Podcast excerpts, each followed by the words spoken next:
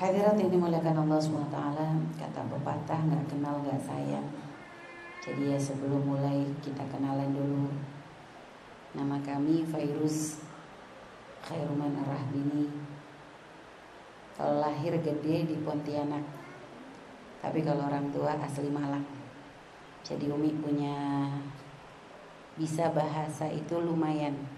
Umi bahasa Jawa bisa dan kebetulan waktu ayah ibu hijrah ke Pontianak terdamparnya di kampung orang Madura.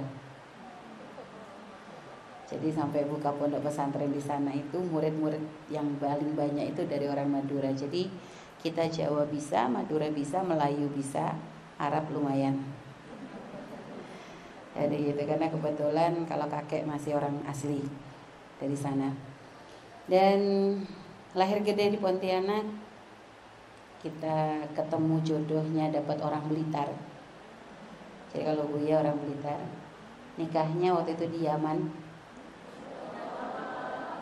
Karena Umi kuliah di sana, kebetulan sama guru dijodohkan sama Buya. Dan tinggalnya di Cirebon, jadi gak nyambung semuanya. Jadi kalau kita sampai lulus SMA itu masih di Pontianak sampai akhirnya kuliah juga di Universitas Tanjung Pura. Dulu ngambil jurusan teknik sipil. Kesasar. Nggak niat kuliah di situ ya sama Allah diputer-puter dulu rupanya. Diputer-puter dulu dua tahun masuk teknik sipil kok. Emang kalau bukan dunianya itu lama-lama ditarik juga ya karena memang orang tua basicnya pesantren subhanallah. Tiba-tiba dua tahun kuliah. Alhamdulillah dikasih sumpek sama Allah. Dikasih sumpek dikasih mulai perasaan. Sumpek itu apa ya? Mulai gak nyaman.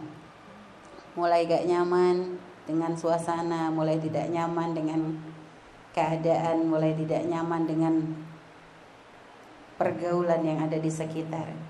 Alhamdulillah ya Allah masih membimbing.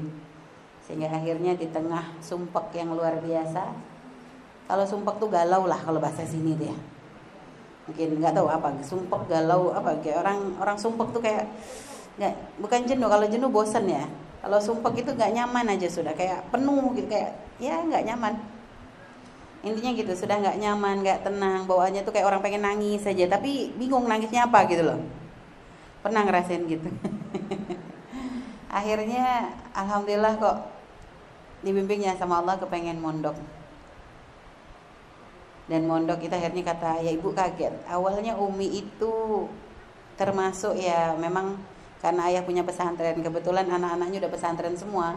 Rencananya pengen ayah ya jangan pesantren semuanya nak. Coba nanti kamu ngambil yang bagian kedokteran. Karena pondok juga kan butuh kedokteran. Tapi ya begitulah. Ujung-ujung nggak tahu dari kedokteran kenapa lari ke teknik sipil juga bingung ya sehernya begitu kita pengen mondok ya sudah. Ayah ibu memang ya mungkin kayak begini. Pilihan Allah akhirnya ayah nyari pondok untuk kita itu. Subhanallah nyarinya juga nggak sengaja. Nyari-nyari pokoknya waktu itu belum punya gambaran pondok mana hanya ayah jalan. Nggak taunya ayah kesasar di Gresik. Ternyata kesasarnya di depannya pondok pesantren lagi. Ya sudah akhirnya ayah berhusnudan ini tandanya Allah pilihkan tempat ini untuk kamu. Apalagi waktu ayah masuk ke pondok pesantren tersebut Tiba-tiba waktu lagi dibawa sama santri putri ke tempat ke ruang administrasi, ayah digerebek sama keamanan putra. Dipikir orang pacaran di atas. Karena ayah datang maghrib-maghrib. Jadi dipikir anak putri bawa laki-laki ke atas, ternyata itu ayah. Ayah malah senang. Alhamdulillah nak. Berarti kamu kalau di situ insya Allah kamu dijaga. Ayah aja digerebek kok kata ayah gitu. Ayahnya dipondokkan di Gresik di pondok Mamba Usolehin yang dipimpin oleh Kiai Haji Mas Buhin Faqih adalah seorang kiai, beliau murid daripada uh, Yai Langitan Abdullah bin Fagih ya. Jadi itu. Jadi uh, alhamdulillah subhanallah kita di situ baru satu tahun ditawarin sama Yai lagi. Virus kamu mau ke Yaman? Aduh. Yai ini aja baru mondok sudah tawarin ke Yaman kita rasa masih ngeblank lah. Enggak lah enggak kepikiran. Hampir tahun kedua tiba-tiba ayah datang dadakan nggak ngomong. Dok udah cepetan kamu bikin paspor kamu berangkat ke Yaman. Nggak ada angin nggak ada hujan jadi kita berangkat ke Yaman itu nggak ada persiapan apa-apa. Nggak ngerti harus ngapain jadi kuliah itu pindah-pindah dari teknik sipil ke Gresik itu kami kuliah lagi jurusan agama Islam. Baru dua tahun belum lulus disuruh pindah lagi ke Yaman suruh pindah lagi ke Yaman kuliah ngambil syariah Islamiyah. Eh baru setahun dinikahin. Belum kuliah belum baru semester 1 disuruh nikah. Ya Allah kata kita. Jadi kalau pengalaman kuliah banyak lulusnya enggak. Tapi akhirnya memang Umi sempat terkenal di situ sebagai satu-satunya mahasiswi yang kuliah setahun bisa dapat S2 ya iya kan dapat suaminya S2 bukan S2 gelar dapat suami udah ada jadi S2 ya sudah kan berarti kuliah setahun dapat S2 gitu jadi untuk dapat gelar S2 tuh nggak susah kok. Ya nggak susah, gampang banget. Umi nggak usah kuliah lama-lama juga jadi. Jadi jadi istrinya S2 gitu, ya. Masya Allah. Ya Alhamdulillah, akhirnya sama Allah Allah yang ngatur waktu itu nggak niat nikah sebenarnya kiaman tuh bener-bener niat kuliah. Jadi begitu Allah kadang cara mempertemukan jodoh tuh nggak terduga. Umi nggak pernah kenal Buya, bahkan nikah itu Umi nggak tahu Buya anaknya siapa hanya waktu itu jodoh guru menjodohkan lalu orang tua setuju istikharah katanya baik ya sudah bismillah umi tawakal tu Allah samaan wa taatan kepada guru dan orang tua jadi kalau berpikir bahwa di situ ada cinlok nggak ada cilok juga nggak ada cinlok lagi ya nggak ada istilah cinta lokasi karena ya alhamdulillah Buya sampai baru lihat Umi itu waktu resepsi jadi sudah halal akad nikah baru ketemuan tatap muka. Dan alhamdulillah kita sekarang punya tempat di di Cirebon. Waktu itu ngerintis sama Buya, kami pulang dari Yaman itu tahun 2005. Tahun 2005, tahun 2006 kami waktu itu sempat kami ditaruh di Pontianak dulu karena Buya masih cari-cari tempat sambil ngerintis. Dan kebetulan kami punya anak kecil juga lagi hamil makanya kata Buya nggak usah ikutan muter biar agak kasihan anak-anak biar belajarnya juga terkontrol akhirnya subhanallah waktu itu oleh Allah hasil istikharah dari Habib Abdullah kita disuruh tinggal di Cirebon. Kami pun ikut lagi dan memang sempat galau waktu di Yaman. Karena orang tua Buya pengennya Buya di Blitar. Dari orang tua kami pengennya kami di Pontianak. Khilaf bainal baina orang tua dan mertua. Jadi orang tua VS mertua itu khilaf semuanya dengan dengan semang apa tuntutannya masing-masing. Kami di tengah-tengah stres. Akhirnya apa kami udah minta petunjuk sama Habib Abdullah, Habib pilihkan kata beliau, Pak Irus ya ya kamu wala Blitar wala Pontianak. nggak Blitar nggak Pontianak. Maafin ya Habib. Katanya kamu cari tempat Jangan Jakarta tapi jangan jauh-jauh banget dari Jakarta. Akhirnya waktu itu sempat dipikir Bogor. Eh di Stekhoren Bogor belum, enggak, bukan, masih belum cocok lagi. Suruh cari tempat lagi dapatnya Cirebon di Stekhoren, sudah kamu tinggal di situ dan alhamdulillah akhirnya kita sampai sekarang di sana. Jadi memang benar-benar ngerintis dari ya dari awal dari mulai nyewa rumah dulu dengan santri lima orang, putri dua orang, laki-laki tiga orang satu rumah. Kita bagi jadi tiga tempat. Putra depan kami tengah-tengah putri di belakang. Sampai akhirnya dapat rezeki setelah hampir tiga tahun dua tahunan. Dapat rezeki bisa nyewa satu rumah lagi. Akhirnya putra putri kami pisah. Waktu itu santri lumayan sudah ada 10 atau 15an gitu. Sampai segitunya terus setelah itu tahun 2009 awal ya kami dapat tanah. Kami dapat tanah di daerah sumber yang sekarang ini ya. Kami akhirnya tanah sawah. Jadi waktu itu kami benar-benar e, tidak punya tetangga. Tanah-tanah sawah nggak ada tetangga semuanya sawah kanan kiri depan belakang sawah. Hanya ada waktu itu satu bangunan kayak saung-saung di pojokan sana itu jadi markasnya pemabuk jadi markas pemabuk waktu itu ya sudah Bismillah kok dapatnya tanah di situ. Sampai pernah waktu kami mau masuk ke situ tuh untuk ya biasa sebelum rumahnya jadi sebelum tempatnya jadi kami sering main. Kata bu ya datang aja sering main banyak doa di sini semoga cepat dibangun. Ya sudah husnul kan akhirnya kita di situ e, pernah sampai mau masuk gak, gak bisa masuk gara-gara ada orang mabuk terkapar di tengah jalan. Sampai bingung kita dipindahin takut gak dipindahin dia nggak bangun-bangun ya tapi ya begitulah awal mula. Tapi alhamdulillah masya Allah setelah akhirnya Allah berikan kemudahan untuk bisa membangun kayak aula lah. Aula gitu dengan bangunan seadanya hanya majlis sudah mulai dibuka. Tapi kami masih pulang pergi dari tempat yang sebelumnya. PP begitu hanya kalau majlis datang habis itu pulang lagi. Begitu sampai kurang lebih hampir hampir berapa bulan gitu setengah tahunan. Baru akhirnya setelah rumah jadi uh, terus baru kami bisa pindah dan masya Allah ngerintis ya dari mulai majelis hanya 10 orang, 20 orang sampai sekarang alhamdulillah. Dan alhamdulillah para pemuda-pemuda yang awalnya mabok-mabok itu eh mereka-mereka malah subhanallah banyak di antara mereka pun yang hijrah sehingga bahkan kadang membantu kalau lagi acara majlis mereka ikut bagian tukang parkir. Alhamdulillah itu nikmat dari Allah Subhanahu wa taala. Ya, baik Masya Allah. Alhamdulillah segala puji bagi Allah mempertemukan kita di sini. Jadi memang sebenarnya niat kami untuk ke Palembang sudah sangat lama dari mulai sebelum lockdown itu sudah niat untuk ziarah ke sini tapi belum tersampaikan alhamdulillah sekarang dikabul oleh Allah. Allah memberikan kepada kita waktu yang paling baik, paling berkah. Insyaallah. Dan tadi Masya Allah pembahasan yang tadi kasih judulnya luar biasa Tantangan wanita akhir zaman ya Masya Allah menjadi wanita dalam Islam itu masya Allah Rasulullah itu sangat memperhatikan kita para wanita. Dan Rasulullah tahu Allah berikan kepada beliau untuk mengetahui hal-hal yang gaib. Sehingga beliau paham bahwasanya akan tiba masa di mana wanita itu akan semakin berat cobaannya.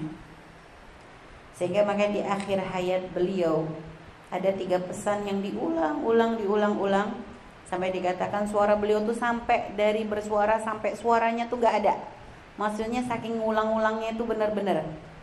Ada tiga hal yang dinasihatkan beliau tiga hal yang kadang e, saat ini banyak diremehkan oleh orang. Yang pertama adalah masalah as-sholah. As-sholah. Nabi wanti-wanti as-sholah as-sholah. Sampai Nabi suaranya habis karena Nabi tahu nanti akan ada masa di mana orang banyak ngentengin sholat. Padahal kalau kita lihat sholat itu adalah satu perkara yang sangat mudah. Ringan banget, gak ngapa-ngapain. Kita sholat itu gak bawa barang di atas kepala, kita sholat gak nenteng barang berat, gak ada. Kita sujud juga gak ditimpa pakai lemari juga enggak. Sholat itu ringan, tapi ternyata masih banyak orang yang berat untuk melakukan. Sehingga begitu mudah orang meninggalkan sholat. Sehingga kadang gara-gara ngebecak sholat nggak jadi nggak nggak bisa sholat. Gara-gara kerja kantor nggak bisa sholat. Gara-gara belajar di sekolah atau les nggak sholat. Gara-gara apa lagi banyak. Begitu mudahnya orang meninggalkan sholat. Bahkan ada orang yang kadang bisa senam satu jam senam aerobik itu masya Allah ya. Mencolot sana loncat sini. Atau orang bisa ngangkat barbel berapa puluh kilo tapi suruh sujud suruh sholat aja belum bisa itu. Kenapa? Karena tidak Allah pilih. Maka bersyukurlah kita kepada Allah atas nikmat sholat yang bisa kita lakukan. Jadi nikmat terbesar bagi seorang hamba bukan ketika Allah kasih duit bukan ketika punya mobil baru bukan ketika kita bisa membangun rumah megah enggak. Tapi nikmat di saat di tengah kesibukan kita di zaman-zaman di mana banyak orang meninggalkan sholat Tapi ternyata Allah masih memberikan kemudahan kita untuk sujud menghadap kepada Allah. Dan kita bisa menikmatinya. Itu nikmat yang luar biasa. Jadi nikmat yang sesungguhnya itu nikmat ketika Allah bimbing kita untuk dekat kepada Allah. Ketika kita masih tidak bisa untuk meninggalkan Allah Dan Alhamdulillah Allah pilih berarti. Semoga itu tanda-tanda kita menjadi orang yang selamat Walaupun mungkin sholat kita masih jauh dari sempurna, masih jauh dari khusyuk. Tapi jangan menyerah dengan ketidakkhusyuan kita lalu ngatain, aduh ngapain juga sholat kalau nggak khusyuk. Enggak, tetap sholat walaupun kita belum bisa khusyuk. Nanti dalam sholat-sholat kita mintalah kepada Allah peningkatan. Ya Allah sekarang sudah bisa sholatnya maka bimbing untuk khusyuknya. Jadi syukuri Jangan dikecilkan bisa sholat itu jangan dikecilkan nikmat tersebut karena itu nikmat yang luar biasa besar.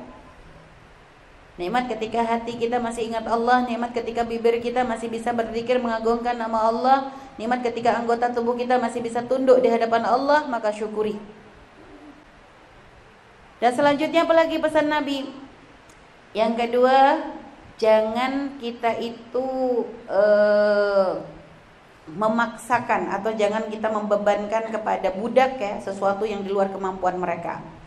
Kalau zaman sekarang budak gak ada, tapi mungkin di situ sekarang ya budak sama pembantu beda. Kalau budak sebenarnya lebih parah lagi, maksudnya nggak punya hak milik.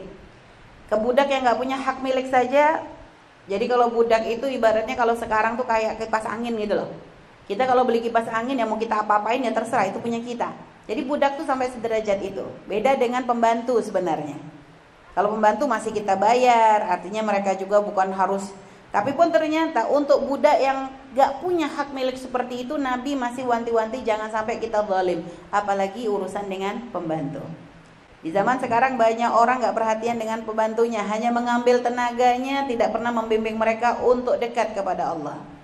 Kita bikin dia capek untuk urusan dunia tapi kita gak pernah mengajak dia untuk bagaimana dia kenal Allah kenal Rasulullah sehingga kadang kita temukan ada banyak majikan-majikan yang zalim ya majikan-majikan yang zalim yang bahkan mohon maaf untuk bisa membimbing para pembantunya menutup aurat saja susah. Tapi kan bukan hak kita mi, oh nggak bisa. Kalau sudah kita memperkerjakan orang di rumah kita, apakah itu tukang, apakah itu pembantu atau siapa pun yang bergabung bersama kita, apakah itu karyawan kita yang kita gaji setiap bulan, maka setelah mereka berada di bawah naungan kita, mereka adalah tanggung jawab kita. Kullukum ra'in wa kullukum mas'ulun an ra'iyatih. Kalau ada orang yang bersama kita tidak sholat, kita akan kena imbas dosanya. Kalau ada orang bersama kita nggak nutup aurat, kita kena imbas dosanya. Kalau ada orang di bawah kita yang mereka melakukan kemaksiatan, kita pun akan kena imbas dosanya. Apalagi kita punya power. Power kita apa? Karena kita yang membayar mereka. Kita yang mengajak mereka bergabung bersama kita. Sehingga ada hitungannya di hadapan Allah, jangan dianggap remeh. Jadi kalau sampai ada tukang kerja sama kita, dia nggak sholat kita biarin. Bahkan bahkan kita gaji. Masya Allah. Bagaimana kita bisa menggaji orang yang durhaka kepada Allah? Jadi itu ada hitungannya di hadapan Allah. Makanya kami dulu waktu pertama kali bangun pondok. Waktu pertama kali bangun pondok tuh nyari tukang susah. Karena syarat kami kalau tukang bukan kami tanya skillnya skill ya kalau sudah jadi tukang sudah kita husnudon tapi kita tanya sholat nggak hampir rata-rata jawabnya nggak sholat ya sudah kalau kerja di sini boleh tapi sholat milih nggak kerja Oh ya sudah. Dan kita sempat bangunan itu mandek karena tukang yang mau sholat tuh hanya sedikit gak kekejar dengan tugasnya. Cuma Buya waktu itu ngotot nggak. Pokoknya kalau dia nggak mau sholat sudah. Pokoknya kita nggak terima sebagai tukang. Karena kita nggak mungkin membangun tempat di mana kita mengajak orang-orang untuk sujud kepada Allah, tapi ternyata membangunnya adalah orang yang tidak ingat Allah. Jadi waktu itu kita agak tegas sedikit. Sampai lama mandek. Eh tiba-tiba berapa lama datang orang. Buya saya mau ngelamar jadi tukang. Sholat kok Buya? Belum ditanya sudah langsung ngomong duluan. Akhirnya setelah itu memang sempat diuji. Lama kita mandek itu. Tapi setelah begitu dapat, masya Allah, alhamdulillah Allah kirimkan tukang-tukang ahli sholat. Jadi memang kita pengen membimbing. Karena kita jangan kalah dengan orang kafir. Orang kafir di luar Islam tuh bisa, bisa bikin syarat orang Islam aja ninggalin syariat kok. Kalau kerja di sini nggak boleh pakai hijab, yang daftar banyak. Kerja di sini nggak boleh sholat, yang daftar banyak. Kenapa kita orang Islam nggak bisa bikin syarat? Yang kerja di sini harus sholat, yang kerja di sini harus nutup aurat. Kita balik keadaannya. Wong kita yang punya duitnya kok. Mereka juga butuh dengan duit kita kok. Nggak apa-apa mereka sholat mungkin di depan kita. Yang penting begitu di hadapan kita dia sholat. Urusan dia di belakang, urusan dia dengan Allah. Pembantu pun begitu, ikut kita dia pakai hijab. Setelah nggak ikut dia lepas, urusan dia dengan Allah. Yang penting kita sudah amar ma'ruf nahi mungkarnya kita jalankan. Jadi memberikan hak kepada orang yang bekerja kepada kita untuk bisa sambung dengan Allah itu adalah kewajiban kita. Dan juga jangan belim. Kita ini kadang kalah ya dengan dengan orang-orang di luar Islam. Orang di luar Islam, kami pernah di Hong Kong. Kami tuh heran, waktu ke Hong Kong kok banyak banget orang Indonesia di situ. Orang Indonesia tuh demen banget sampai kerja di sana. Sampai ada yang sampai udah 20 tahun. Ini mah udah bukan lagi kerja, namanya hijrah kamu itu. Saya bilang, emang nggak pengen pulang, pengen Umi, tapi udah kadung nyaman di sini. Emang nyamannya apa katanya? Ya, ini bukan langsung Umi dengar Umi ngomong gini, akhirnya banyak yang daftar ke sana ya. Ini Umi ngasih info saja. Rupanya mereka tuh banyak yang suka karena memang ada aturan di pemerintahan itu yang memberikan perlindungan untuk mereka. Jadi bagi bagi para majikan itu nggak boleh ngasih makan pembantunya tuh dengan makanan yang berbeda. Maksudnya bukan masalah harus babi-babi enggak. Itu ada memang ada yang jahat begitu ada. Tapi maksudnya kayak kualitas nasi aja. Jadi kalau nasi kualitasnya grade A untuk yang bosnya, maka pembantunya juga harus sama. Dan juga pembantu harus dikasih hak libur. Kalau sampai ada majikan mempekerjakan pembantu di hari libur, itu bisa dituntut, dilaporkan dan majikannya bisa ketangkep. Jadi gitu. Jadi ada aturan. Ini kami pernah, subhanallah, ini benar-benar, ini benar-benar depan mata sendiri waktu kami di Indonesia. Kami ngelihat waktu itu kan kebetulan punya teman yang punya rumah makan. Kami lagi ngobrol sama teman di rumah makan, tiba-tiba ada rombongan datang rame kami keluar, rombongannya tuh masya Allah yang perempuannya pakai hijab-hijab syari, uh cantiknya, bajunya, kerudungnya gede-gede. Akhirnya rombongan rame, anak kecilnya banyak, ya mungkin mereka kepengen nggak terganggu, akhirnya anak kecil dibawa main keluar sama pembantunya.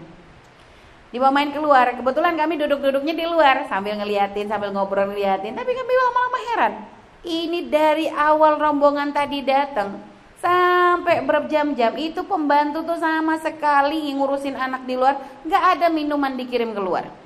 Nggak ada wala es wala teh wala cemilan wala apa. Dia hanya sibuk aja megangin anak Sampai akhirnya teman kami yang punya restoran tuh nggak tega, ditungguin, dipikir masih mau dikasih, nggak datang datang juga sampai lama. Hanya teman tuh nggak tega, dia nyuruh pembantunya untuk ngambilin minum untuk pembantu yang di luar tuh ada dua orang atau tiga orang, itu semuanya nggak dikasih. Dan subhanallah setelah gitu, nggak lama rombongan tadi tuh pulang, ini pembantu sama sekali nggak makan wala minum. Ajib kata kita. Orang pakaiannya masya Allah syar'inya luar biasa, tapi perilakunya seperti orang yang tidak kenal Rasulullah Shallallahu Alaihi Wasallam. Ini kalau Nabi marah banget itu. Nah ini artinya perlu kita kita kita pahamkan. Jadi Nabi itu wanti-wanti itu kadang memang melihat ada banyak kezaliman kepada orang-orang yang menjadi tanggung jawab kita yang kita bayar dengan uang kita. Nah ini.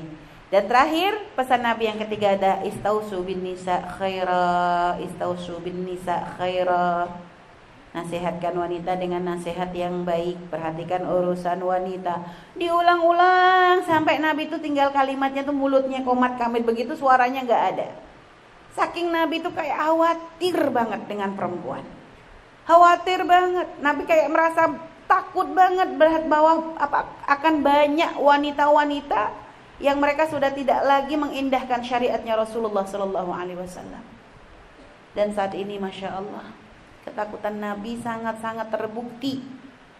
Ketakutan Nabi sangat-sangat terbukti.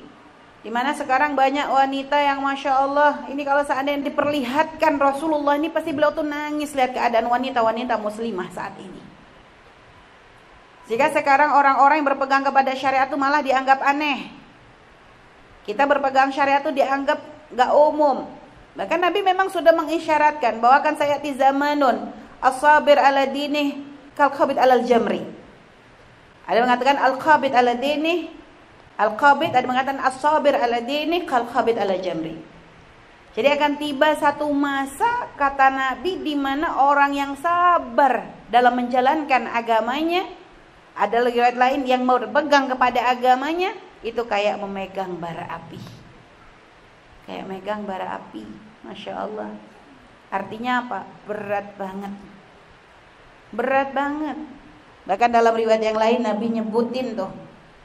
Nabi nyebutin ketika Nabi subhanallah Isra dan Mi'raj sebenarnya Nabi sudah dilihatkan hamba-hamba Allah yang saat itu disiksa di neraka. Disiksa di neraka di antara orang-orang yang disiksa di neraka itu Nabi pun diperlihatkan ada wanita wanisaun kasiyatun ariyatun mumilatun ma'ilat ru'usahunna ka'as'imatil bukhti al-ma'ilah. La yadkhulnal jannah wa la yajidna rihaha wa inna rihaha la yujadu min masirati kadza wa kadza jadi subhanallah Nabi ngasih isyarat bahwa di antara orang-orang yang menjadi ahli neraka itu ada yang nantinya mereka adalah wanita-wanita wanita-wanita kasiat ariat pakai baju tapi kayak orang telanjang mumilat mailat Jalannya itu lenggak-lenggok. Ru'usahunna ka'as'imatil bukhti. Kepala mereka tuh kayak punuknya onta. Dan untuk wanita-wanita yang modelan seperti ini, kata Nabi mereka nggak bisa masuk surga. Bahkan mencium pun mereka nggak mampu. Padahal mencium bau surga itu bisa tercium dari berapa ratus tahun perjalanan. Artinya dari jarak jauh pun wanginya surga itu tercium. Tapi bagi para wanita yang seperti ini, ini susah. Siapa sih yang disebut Nabi itu kasiat Aryan?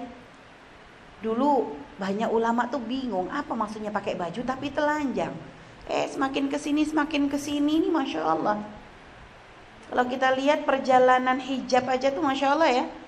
Dulu zaman kami masih kecil, zaman kami masih sekolah, zaman kami kuliah. Itu kalau orang pakai hijab, itu benar-benar hijab tuh benar.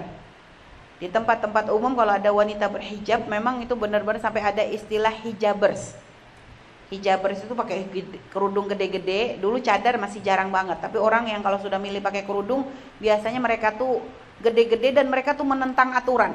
Biasanya mereka adalah orang-orang pemberani yang menentang aturan. Di sekolah nggak boleh pakai kerudung mereka ngotot pakai kerudung. Di kampus nggak boleh pakai kerudung mereka ngotot pakai kerudung. Di tempat kerja nggak pakai kerudung mereka ngotot pakai kerudung. Dan perilaku mereka tuh benar-benar mencerminkan kerudung yang dipakai dan memang alhamdulillah beberapa tahun berikutnya ada kemudahan banyak untuk berhijab, banyak aturan dilepas.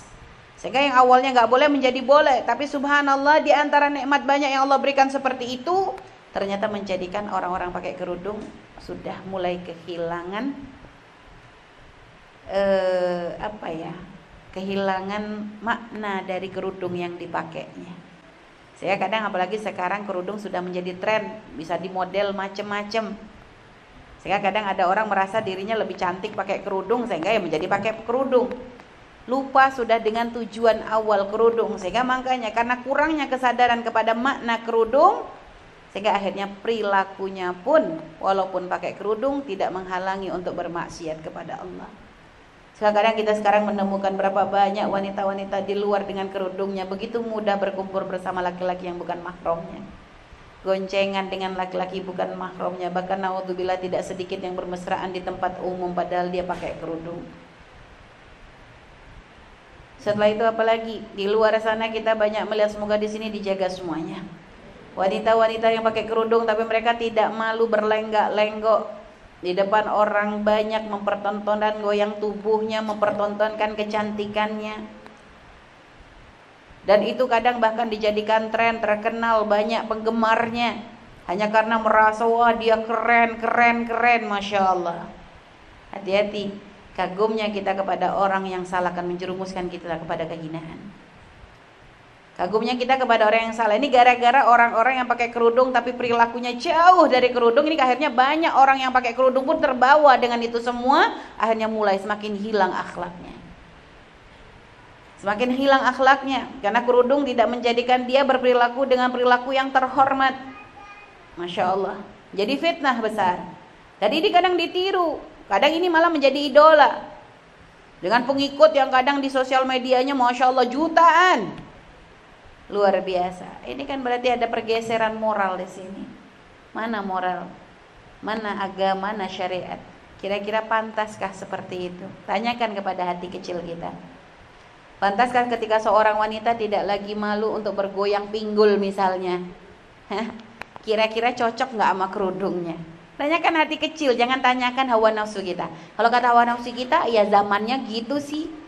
Apalagi sekarang ada aplikasi yang kalau dibuka semuanya orang jadi kayak orang stres ya.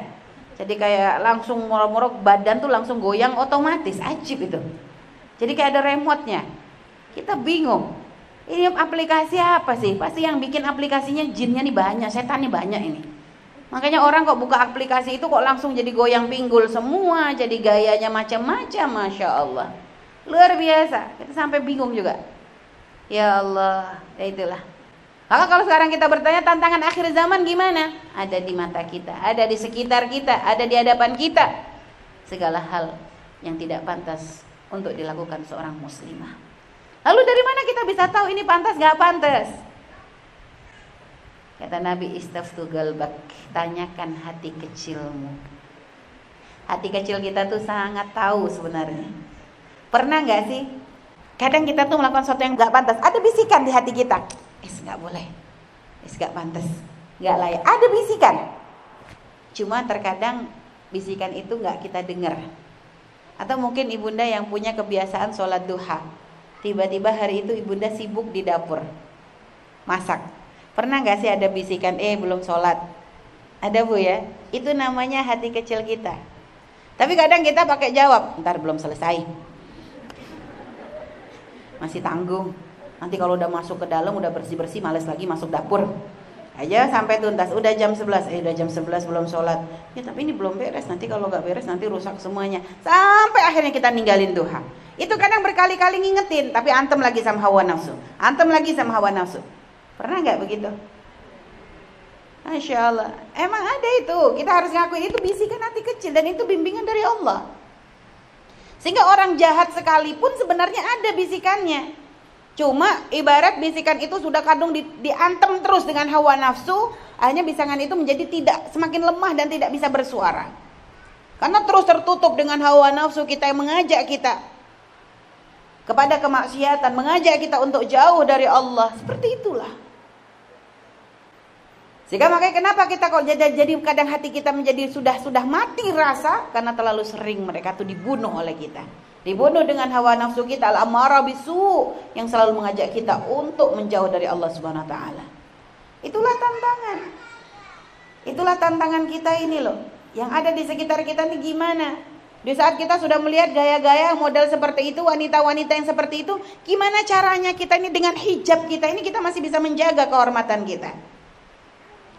Dan sebenarnya perilaku-perilaku wanita-wanita yang berhijab lalu tapi ternyata mereka tidak memantaskan perilakunya dengan apa yang disyariatkan Nabi. Itu kami katakan di mana-mana kami ingatkan sebenarnya secara tidak langsung kita tuh nyakitin Rasulullah. Kita tuh kurang ajar dengan Nabi Muhammad. Kita merendahkan Nabi kita. Kenapa? Karena bagaimanapun hijab ini kan identitas kita sebagai seorang muslimah. Di mana-mana orang kalau udah pakai hijab, dia nggak akan nyangka dia agama Hindu, Buddha atau Nasrani. Pasti taunya dia adalah mus Muslim, Muslimah. Sehingga nggak taunya dia kok berperilaku yang nggak pantas. Akhirnya apa? Oh ternyata nggak ada bedanya. Muslimah dengan yang nggak ada mus yang nggak muslim yang nggak muslimah nggak ada bedanya. Sama aja kok. Dibawa laki-laki bisa diajak goyang pinggul bisa. Diajak pecicilan nggak pantas juga bisa kok. Dilecehkan pun bisa. Akhirnya begitu lihat. Jadi gak ada bedanya. Hijab itu hanya tempelan aja. Sehingga akhirnya apa? Orang semakin meremehkan. Sehingga kadang ada orang yang berhijab benar pun akhirnya dipandang negatif gara-gara banyaknya wanita-wanita berhijab yang tidak bisa menjaga kehormatannya kita kena imbas kita kena imbas juga di situ dan secara tidak langsung mereka akan merendahkan siapa? Merendahkan hijab secara keseluruhan. Secara tidak langsung mereka merendahkan syariatnya Nabi Muhammad dan lama-lama pun akan merendahkan kepada Rasulullah Sallallahu Alaihi Wasallam. Padahal Nabi nggak pernah ngajarin jelek kepada kita. Nabi nggak pernah mengajarkan wanita untuk menjadi orang yang hina. Nabi menanamkan rasa malu. Nabi menanamkan rasa malu, bahkan Nabi mempraktekkan rasa malu, bahkan putri beliau adalah wanita yang sangat-sangat malu. Sangat menjaga rasa malunya. Sayyidah Fatimah Az-Zahra Wanita yang sangat punya rasa malu sehingga ketika waktu itu satu hari Rasulullah bertanya kepada para sahabat semua siapakah wanita yang terbaik? Seperti apakah wanita yang paling baik? Sahabat tuh bingung semua mau menjawabnya gimana. Akhirnya pulang ke rumah masing-masing Imam Ali seperti biasa Sayyidina Ali radhiyallahu an begitu masuk ke rumahnya ditanya oleh Sayyidah Fatimah. Sayyidah Fatimah tuh kalau nanya suaminya pulang dari ketemuan Rasulullah tuh nggak pernah nanya, bang pulang bawa duit berapa? Enggak. Yang ditanya apa? Wahai suamiku, dapat ilmu apa kamu hari ini dari Rasulullah? Selalu pengen tahu, padahal sebenarnya beliau bisa dapat langsung dari bapaknya, tapi pengen mengajarkan kepada kita, hendaknya seperti itulah perilaku seorang istri kepada suaminya. Kalau datang suami kita dari tempat majlis ulia, jangan ditanyakan, tadi berkatnya apa pak? makannya apa di sana? Itu biasa kita refleks gitu. Ya atau suami pulang ya langsung yang kita tanya makannya. Padahal kita barunya tanya tadi apa pelajaran apa pak yang bisa dapat? Itu jarang. Itu jarang kita itu. Kita kadang refleksnya ke bagian perut aja.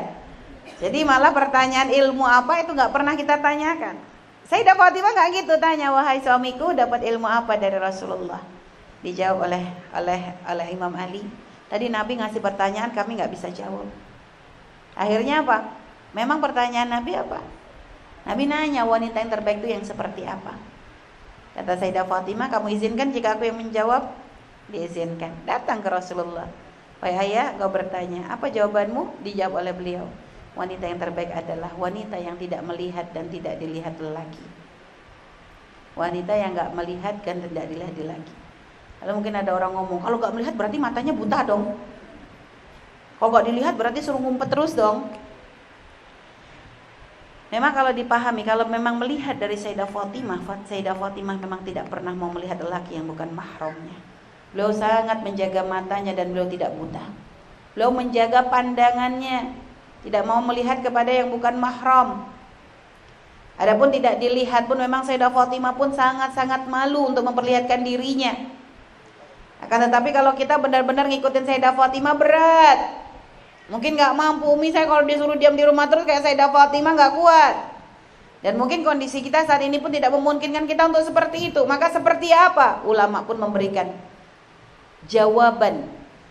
Jawaban yang lebih ringan tapi hendaknya ayo berupaya untuk kita lakukan. Apa makna dari tidak melihat? Wadul basar sama. Melihat tapi menjaga. Kalau melihat hanya untuk seperlunya bukan untuk kita nikmati. Karena Nabi sudah ngingetin kepada Imam Ali, pernah ya Ali? Kata beliau, la tutsbi'in nadrata an-nadrata fa inna lakal ula wa laysat lakal akhirah. Jangan kamu ikuti satu pandangan dengan pandangan berikutnya. Bagimu yang pertama, yang kedua sudah udah bukan jatahmu lagi. Kalau kita kan enggak kebalik.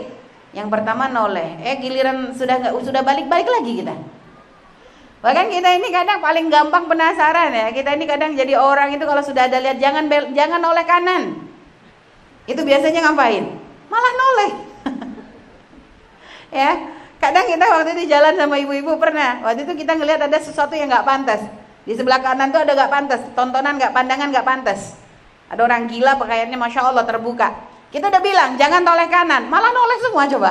Ini ngaco ibu-ibu nih ya. Udah dibilang jangan noleh kanan, baru itu teriak semua. Udah dibilang dari tadi jangan noleh malah noleh. Itu kadang refleksnya manusia tuh gitu. Semakin dilarang malah ditawan. Jadi mending kalau kayak gitu jangan diingetin, diam aja sudah. Noleh kiri gitu aja sudah balikannya. Harus kayak gitu memang. Jadi subhanallah. Pada kata-kata Nabi, pandangan itu sihamu iblis. Panah iblis yang beracun. Dari mata turun ke hati. Makanya dikatakan oleh para ulama nawafi itu syaitan tuh dua, jendelanya syaitan tuh dua, mata sama telinga. Gara-gara mata sama telinga nih kita sering maksiat sama Allah. Dilihat dari mata, didengar dari telinga. Wah ini makanya subhanallah. Maka bersyukurlah kalau ada orang kok di, diambil penglihatannya oleh Allah, berarti dia sudah ditutup nawafidu syaitannya. Jendela syaitannya itu ditutup satu, selamat matanya itu. Kita ini yang harus takut. Mata kita nih berapa banyak mata kita nih melihat yang haram. Telinga kita nih tapi saya nggak seneng gosip komi, nggak seneng gosip, tapi kadang kedengeran.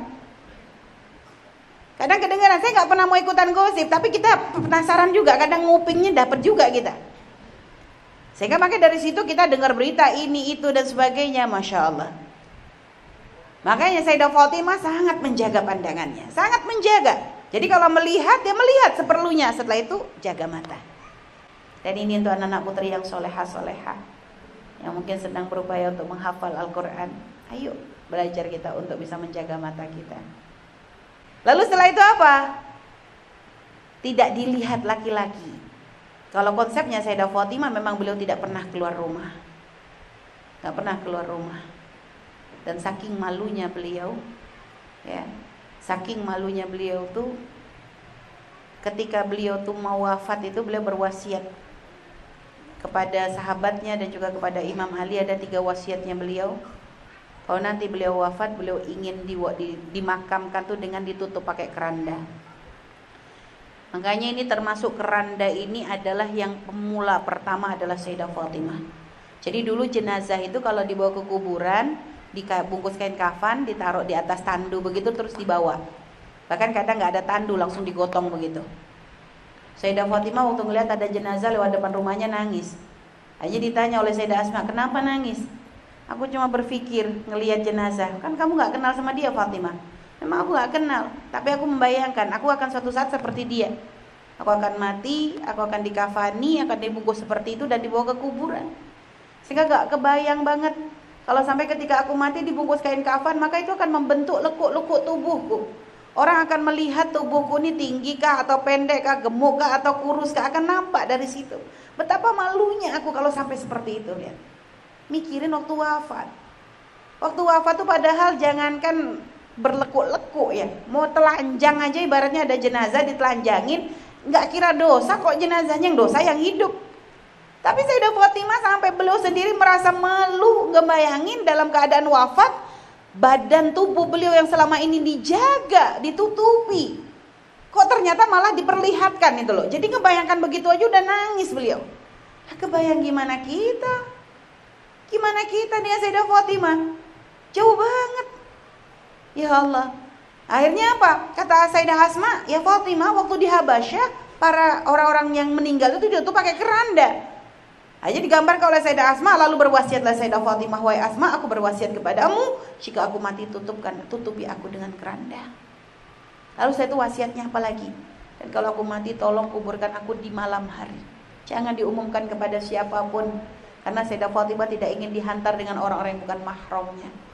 Sehingga beliau ingin benar-benar wafat itu tidak ketahuan siapa pun yang tahu hanya suaminya dan orang-orang yang menjadi mahram beliau. Karena beliau tidak ingin ketika nanti dalam proses pengkuburan dikeluarkan atau apa ada orang yang bukan mahramnya melihat beliau. Subhanallah. Sebegitunya mengatur diri sebelum wafat. Sudah mikirin seperti itu. Nah gimana kita? Masya Allah. Jangankan wafat, hidup aja masih gak jelas kok dalam nutup ini. Hidup aja kita belum bisa nutup banget gimana mikirin wafat. Masya Allah. Sehingga makanya karena karena rasa malunya beliau seperti itu dalam riwayat diceritakan bahwa nanti di hari kiamat ketika orang-orang dikumpulkan di padang mahsyar maka nanti akan ada perintah dari Allah Subhanahu wa taala untuk semua yang ada di padang mahsyar agar semua terutama laki-laki menundukkan pandangannya. Kenapa? Sayyidah Fatimah akan lewat Sayyidah Fatimah akan lewat bahkan gara-gara begitu sempurnanya beliau dalam menjaga kehormatannya sebagai seorang wanita, dalam menanamkan rasa malu di hatinya sebagai seorang muslimah sampai nanti di hari kiamat pun para lelaki tidak diperkenankan untuk melihat wajah beliau. Untuk melihat tubuh beliau. Jadi semua kepala akan menunduk, tidak akan ada mampu yang mengangkat kepalanya karena Sayyidah Fatimah lewat bersama rombongannya. Semoga kita yang hina ini masih diperkenankan oleh Allah untuk masuk rombongan beliau. Nah ini kalau kalau Sayyidah Fatimah begitu. Lalu kalau sekarang kita gimana mi susah? Kami kuliah, kami sekolah, kami kerja, kami aktivitas. Karena memang aslinya kalau perempuan tuh memang nggak boleh banyak keluar.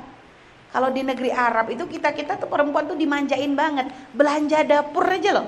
Umi lima tahun sama Buya Diaman nggak pernah Umi itu masuk pasar. Emang nggak umum perempuan masuk pasar. Jadi kalau di negeri Arab sana yang belanja tuh laki. Jadi kalau perempuan tuh belanjanya apa? Kalau perempuan tuh belanja yang bersih-bersih, belanja baju untuk anak-anak itu kita. Tapi kalau bagian kayak belanja-belanja dapur, ikan, bumbu laki. Makanya Umi itu sama sampai sekarang kalau belanja-belanja urusan begitu sama Buya, Umi kalah. Suruh belanja ikan, pinter Bu ya. Bumbu pinter, Umi malah nggak ngerti. Umi bedain bu, ikan seger sama nggak seger aja susah kok. Umi karena bagian selalu bagian ngolahnya. Kalau bagian ngolah bisa, tapi kalau suruh belanja paling bingung nggak paham. Makanya sampai sekarang ketika kita pulang ke Indonesia pun santri putri kita nggak pernah belanja ke pasar, yang belanja banin anak putra. Jadi setiap hari anak putra tuh ke pasar gitu. Buya ngajarin. Jadi awalnya Buya pergi ke pasar yang paling murah di Cirebon, ya. Buya belanja di situ ngajak santri putra sampai santri putra nanti pintar baru dilepas sama Buya. Jadi gitu turun temurun, nanti mereka ngajarin lagi terus seperti itu. Sampai sekarang anak putra lebih pintar belanja daripada banat.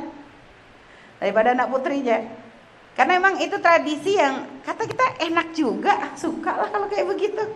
Ya, dimanja begitu apa sih nggak suka? Ya, ngapain juga kita capek-capek ke pasar, ya, rebutan ikan, bau. Nggak banget lah. Eh. eh, tapi nanti langsung pulang-pulang suaminya suruh ke pasar. Wah, pengen ke pasar besok kita cuti semua. Kata siapa ini? Umi Fairuz. Habis Umi ya di demo nanti ini sama bapak-bapak. Nggak akan ngaji lagi sama Umi kalau gitu caranya. Nggak, ini memang sebenarnya tuh begitu. Cuma memang kalau di Indonesia malah kebalik. Malah kebalik kalau di Indonesia tuh, masya Allah. Inilah kita tuh. Ya, tapi aslinya memang wanita tuh begitu sebegitunya dijaga. Dalam syariat itu kita tuh dimanja banget, belanja dibelanjain, nafkah dinafakohin.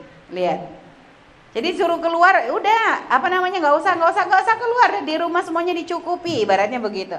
Cuma kita kan sekarang susah umi kondisinya beda, kita bukan di negeri Arab, oke. Kalau memang kita belum mampu untuk seperti itu, maka kata ulama boleh kita keluar, tapi jaga kehormatan kita. Tidak dilihat laki-laki itu maknanya apa? Jangan caper sama laki, gitulah. Jangan caper sama laki karena ada perempuan tuh yang masya Allah aslinya jalannya biasa tapi kalau udah dilihat sama laki-laki langsung megol-megol. Langsung berubah dia jalannya jadi mencong-mencong pinggulnya ini. Ada kadang perempuan ngomong tuh biasa kalau sama kita. Giliran ngomong sama laki suaranya jadi lembut kayak orang kepedesan. Ada desah-desahnya. Ajib ini mancing ini. Mancing penyakit. Hanya laki-laki yang awalnya pun anteng aja jadi tergoda juga. Karena anak wanita tuh banyak banyak godaannya. Nabi sendiri tuh ngomong, almar atau tuqbilu ala surati syaitan, wa biru ala surati syaitan. Wanita tuh tampak depan, tampak belakang kayak setan. Wih kok gitu sih Nabi? Ini penghinaan ini. Oh enggak, Nabi bukan menghina. Nabi bukan menyebut kita tuh kayak setan tuh setan-setan gimana. Maksudnya kita punya daya goda melebihi daya godanya setan. Setan menggoda manusia dan wanita punya punya kekuatan untuk melakukan hal tersebut. Dari tampak depan daya tariknya banyak. Belakang sama. Makanya karena wanita punya daya tarik yang seperti itulah akhirnya syariat itu menjaga banget. Syariat menjaga karena wanita banyak daya godanya. Tapi lihat musuh-musuh Allah tidak, daya goda wanita malah dijual. Sehingga sekarang kita melihat wanita di mana-mana dipamerkan dengan kecantikannya. Sehingga kalau kita lihat promo apa pun wanita pasti ada di situ. Padahal kadang nggak nyambung. Kalau promo sabun perempuan, giliran promo rokok perempuan juga. Padahal nggak ngerokok perempuannya. Tapi ditongolin aja. Kenapa? Daya tariknya ada. Sehingga musuh-musuh Allah memanfaatkan tahu. Apalagi Nabi sendiri sudah mengisyaratkan. Ma ra'aitu naqisati aqlin wa dinin adhaba lilubbil hazimi min ihdakunna ayatuhan nisa. Kata Nabi aku tuh nggak pernah ngelihat ada orang kurang akal, kurang agama, tapi bisa menghilangkan akalnya lelaki yang terkuat melebihi kalian para wanita. Dan Nabi ketika ngomongin jangan suudon lagi. Kok Nabi perasaan dari tadi gak enak terus pesannya untuk kita? Kita dibilang kayak setan, sekarang dibilang kurang akal lagi. Nabi gak ngomong asal, mayantiku anil hawa in huwa ila wahyu yuha. Apa yang disampaikan Nabi ini adalah wahyu dari Allah. Nabi bersabda itu memang sesuai dengan keadaan kita. Tadi mengatakan kita kayak setan bukan kayak setan dalam sesungguhnya, maksudnya kita punya daya goda, daya goda yang luar biasa. Tapi ketika Nabi mengatakan maro itu nakhisati aklin wa dinin. Ada orang yang kurang akal, kurang agama, tapi bisa bikin hilang akalnya lelaki yang terkuat. Itu nggak ada kecuali kita para wanita. Maksudnya apa? Kita punya daya pengaruh yang luar biasa. Lalu kenapa kita menyebutkan Nabi nyebut kita kurang akal? Ya memang kita kurang akal kok mau di mau disebutin kurang akalnya kita kayak apa? Coba, ibu-ibu yang sudah pernah melahirkan.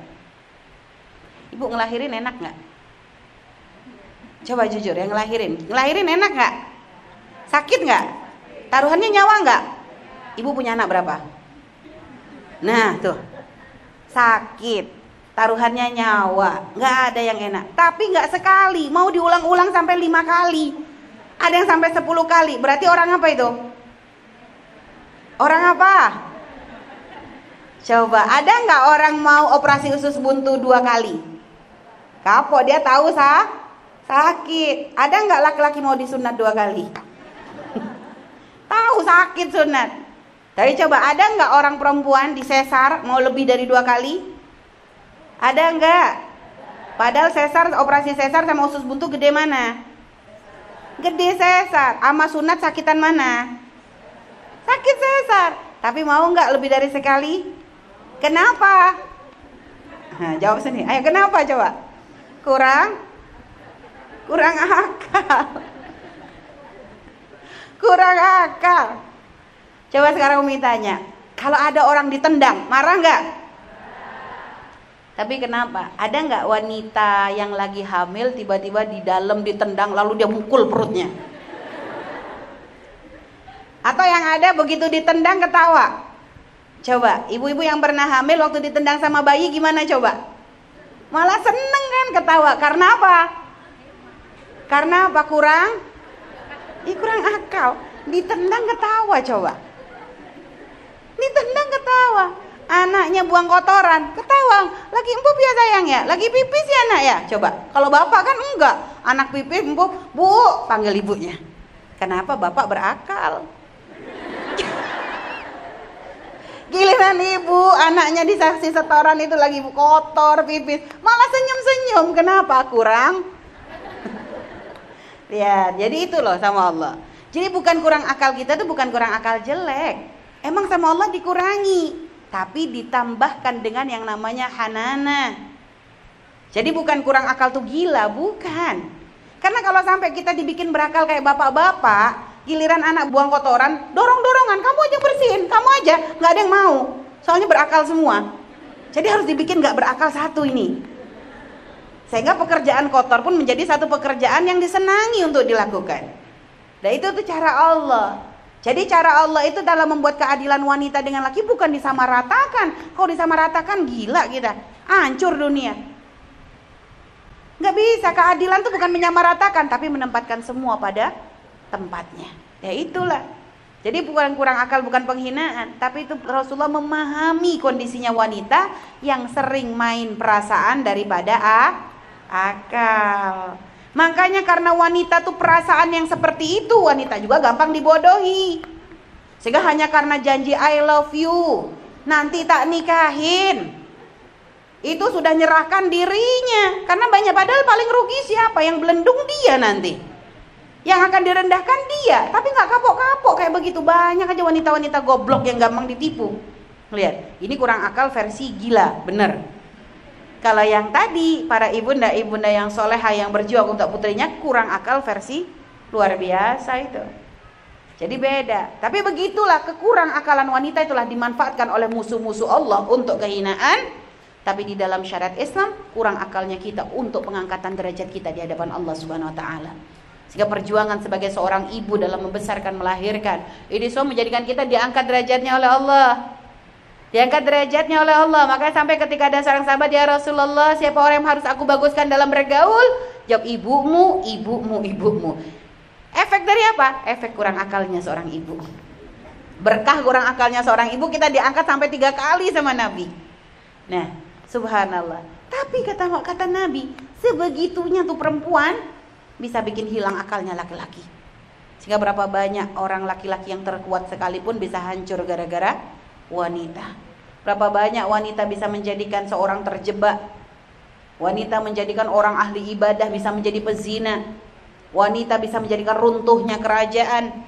Wanita bisa membuat seorang suami jujur jadi korupsi. Nah itulah karena wanita punya kekuatan di balik kelemahannya untuk menggoda laki-laki karena wanita punya daya goda. Karena seperti itulah model wanita. Makanya syariat benar-benar menjaga kita. Dikasih kita batasan-batasan, ditutup aurat kita, dimuliakan kita. Karena kalau wanita tidak dibimbing seperti ini sangat-sangat berbahaya. Maka inilah ujian akhir zaman saat ini subhanallah tantangan kita. Bisakah kita itu mengikuti apa yang diajarkan oleh Rasulullah sallallahu alaihi wasallam? Bisakah kita menjaga kehormatan kita di zaman-zaman rusak seperti ini? Kita tetap bisa menjadi wanita yang dibanggakan oleh Nabi? Bisakah kita tetap bisa menjaga mata kita, menjaga perilaku kita? Makanya tadi tidak dilihat oleh laki-laki ini maksudnya apa? Wanita yang bisa menjaga kehormatannya, wanita yang bisa menjaga dirinya, wanita yang tidak mempertontonkan kecantikannya. Karena apa gunanya pertontonan? Karena dalam syariat kita, Nabi kita ini, agama kita ini bukan agama yang mendahulukan fisik loh ya. Kalau kita lihat di dalam syariat kita nggak ada fisik itu diprioritaskan nggak ada. Bahkan di dalam Al-Quran sudah dijelaskan Inna akramakum indallahi atqakum. Nggak ada yang paling cantik, paling tak, paling mulia, nggak. Yang paling pinter, paling mulia enggak. Paling mulia yang paling takwa. Nggak laki, nggak perempuan. Nggak laki, nggak perempuan dinilai kita dari takwanya kita, bukan dari casingnya kita.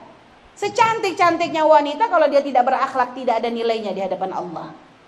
Bahkan wanita yang tidak cantik sekalipun itu lebih mulia daripada seorang kafir yang cantik misalnya. Nggak bisa dibanding. Makanya wanita syariat, dalam syariat lihat bagaimana Rasulullah menggambarkan seorang wanita Ummu Aiman. Ummu Aiman tuh budaknya dulu pernah berkhidmat untuk ibundanya Nabi. Sampai akhirnya berkhidmat untuk Sayyidah Khadijah, lalu akhirnya dimerdekakan oleh Sayyidah Khadijah, wanita kulit hitam. Wanita kulit hitam sudah merawat Nabi dari kecil, usianya sudah tua. Masuk Islam dalam keadaan sudah tua. Kulit hitam dari fisik sangat kurang, tidak sempurna. Jauh mungkin dari cantik, tapi apa gambaran Rasulullah tentang wanita tersebut? Nabi katakan, kalau ada di antara kalian yang ingin menikahi wanita surga, nikahi Ummu Aiman. Subhanallah. Nabi gak pernah meremehkan karena kulitnya mungkin tidak putih, enggak. Nabi gak meremehkan beliau karena mungkin tidak cantik. Bahkan Nabi katakan kalau ingin menikahi wanita ahli surga, nikahi Ummu Aiman. Kurang gimana syariat itu ngangkat derajat wanita. Tapi sekarang di luar, di luar wanita kalau nggak cantik nggak kira laku. Mereka akan diekspos hanya karena cantik. Makanya berapa banyak untuk cantik itu mau ngerubah mukanya, ngerubah badannya, ngerubah semuanya hanya karena pengen pengakuan dari manusia. Capek dia. Sekarang hidung yang dimancungin, besok bibirnya yang dibentuk lagi, pipinya kurang ini, berubah lagi. Akhirnya gak ada asli dari atas sampai bawah. Karena ngejar cantik, ngejar pujian. Tapi coba belajar dari Rasulullah Nggak perlu kita untuk selalu memikirkan urusan penampilan cantik, tapi perilaku kita tidak menjadi cantik. Tapi perilaku kita jauh dari cantik, tidak akan mengangkat derajat kita sedikit pun. Malah itu akan menjadikan kita rendah kalau seperti itu. Sehingga masya Allah, inilah syariatnya Nabi kita Nabi Muhammad SAW. Syariat yang mengangkat wanita setinggi tingginya maka jadilah kita para wanita yang bisa menjaga kehormatan kita. Tanamkan rasa malu di hati kita. Kita belum sampai punya rasa malu seperti Sayyidah Fatimah. Tapi jangan sampai sama sekali kita nggak punya rasa malu. Makanya Nabi sampai ngedepankan kalau orang ilam tastahi fasna masyita. Kalau kamu sudah nggak punya rasa malu, lakukan sesukamu. Artinya apa? Kalau sudah wanita dicabut rasa malunya, dia tidak akan malu untuk melakukan apa pun. Sehingga sekarang kita melihat sudah nggak malu, wanita dengan penampilan seperti itu kadang diekspos dan sebagainya masya Allah. Maka ini khususnya kepada adik-adik putri yang soleha soleha cantikmu bukan untuk dipamerkan. Cantikmu bukan untuk dipamerkan dan ketahuilah kalau kita hanya memamerkan cantik-cantik ada masa kada luar rasanya ada masa kita mau dibayarkan cantik ya sudah hilang cantiknya. Tapi kalau yang namanya akhlak mulia nggak ada kada luar rasanya di dunia kita akan mulia di akhirat kita akan lebih mulia tapi kalau cantik, dengan cantik kita tidak menutup aurat, dengan cantik malah kita jadikan bahan untuk pamer. Gunanya apa? Dan apa sih senangnya kadang banyak wanita yang mengekspos penampilannya, wajahnya, dandanannya. Untuk apa coba? Dipuji. Nah, di antara yang memuji itu pasti ada yang merendahkan juga kok. Pasti ada yang merendahkan. Penampilan bagaimanapun namanya manusia tuh. Kalau hanya sekedar nyari pujian, pujian seperti apa sih yang kita cari? Apa gunanya kita dipuji manusia kalau ternyata kita dihina oleh Allah? Apa gunanya kita dipuji manusia tapi kita direndahkan malaikat? Apa gunanya kita dipuji manusia kalau kita mempermalukan Nabi Muhammad? Maka nggak perlu untuk seperti itu. Ini tantangan kita nih. Di saat di mana banyak wanita ekspos ini, ekspos itu, ekspos dirinya. Tapi sekarang kita tetap berupaya menjaga kehormatan kita, cantik kita adalah untuk suami kita. Jadilah wanita yang soleha untuk bekal kita mendidik putra putri kita. Karena al ummu madrasatul ula. Ibu itu adalah pendidikan pendidik sekolah pertama bagi anak. Artinya kalau seorang wanita yang baik, seorang wanita yang soleha, dia akan bisa mencetak anak-anak yang luar biasa. Maka kita belajar. Sekarang PR kita bukan hanya sekarang untuk ekspos kecantikan kita. Bisa nggak nih kita jadi ibu yang bisa membimbing anak-anak kita untuk menjadi anak-anak yang dibanggakan Nabi Muhammad SAW. Subhanallah kalau kita lihat sejarah berapa banyak para ibunda, ibunda yang punya peran besar dalam mensukseskan anak-anaknya. Imam Syafi'i adalah seorang anak yatim. Ditinggal ayahnya dari kecil tapi ternyata dididik oleh seorang ibu yang luar biasa sehingga menjadi seorang yang alim.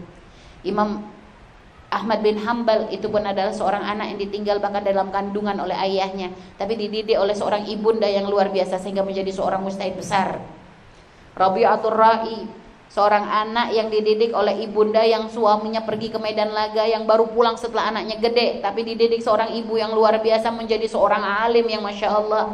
Siapa lagi? Syekh Abdul Qadir Al Jalani itu pun dididik oleh seorang ibu yang luar biasa. Jadi banyak. Kalau kita membaca sejarahnya orang-orang mulia, itu ternyata ada peran ibunda di dalamnya. Maka sekarang mungkinkah kita mencetak orang-orang model itu zaman ini? Mungkin gak kita mencetak orang-orang seperti itu? Jadi kadang perjuangan seorang ibu itu luar biasa. Ya. Seorang ibu itu luar biasa dalam mendidik putra putrinya untuk bisa menjadi orang-orang besar. Kita ini kadang masih kalah jauh dengan para ibunda kita. Kami punya mertua itu masya Allah. Ibunda dari Buya itu kurang lebih sebenarnya kami itu punya ibu sama punya mertua tuh mirip-mirip kalau dalam mendidik anak mirip-mirip dalam mendidik anak. Yang itu kadang masya Allah menjadikan kami itu iri banget. Kita aja belum mampu untuk seperti beliau. Tapi ingat ibunya Buya tuh sama. Jadi kalau Buya dulu tuh kalau Buya pulang mondok itu Buya tuh malah nggak diajak ngomong. Selalu dipaksa pokoknya Buya itu mondok. Kalau di rumah bukan anaknya Bauti mereka kami manggilnya Bauti.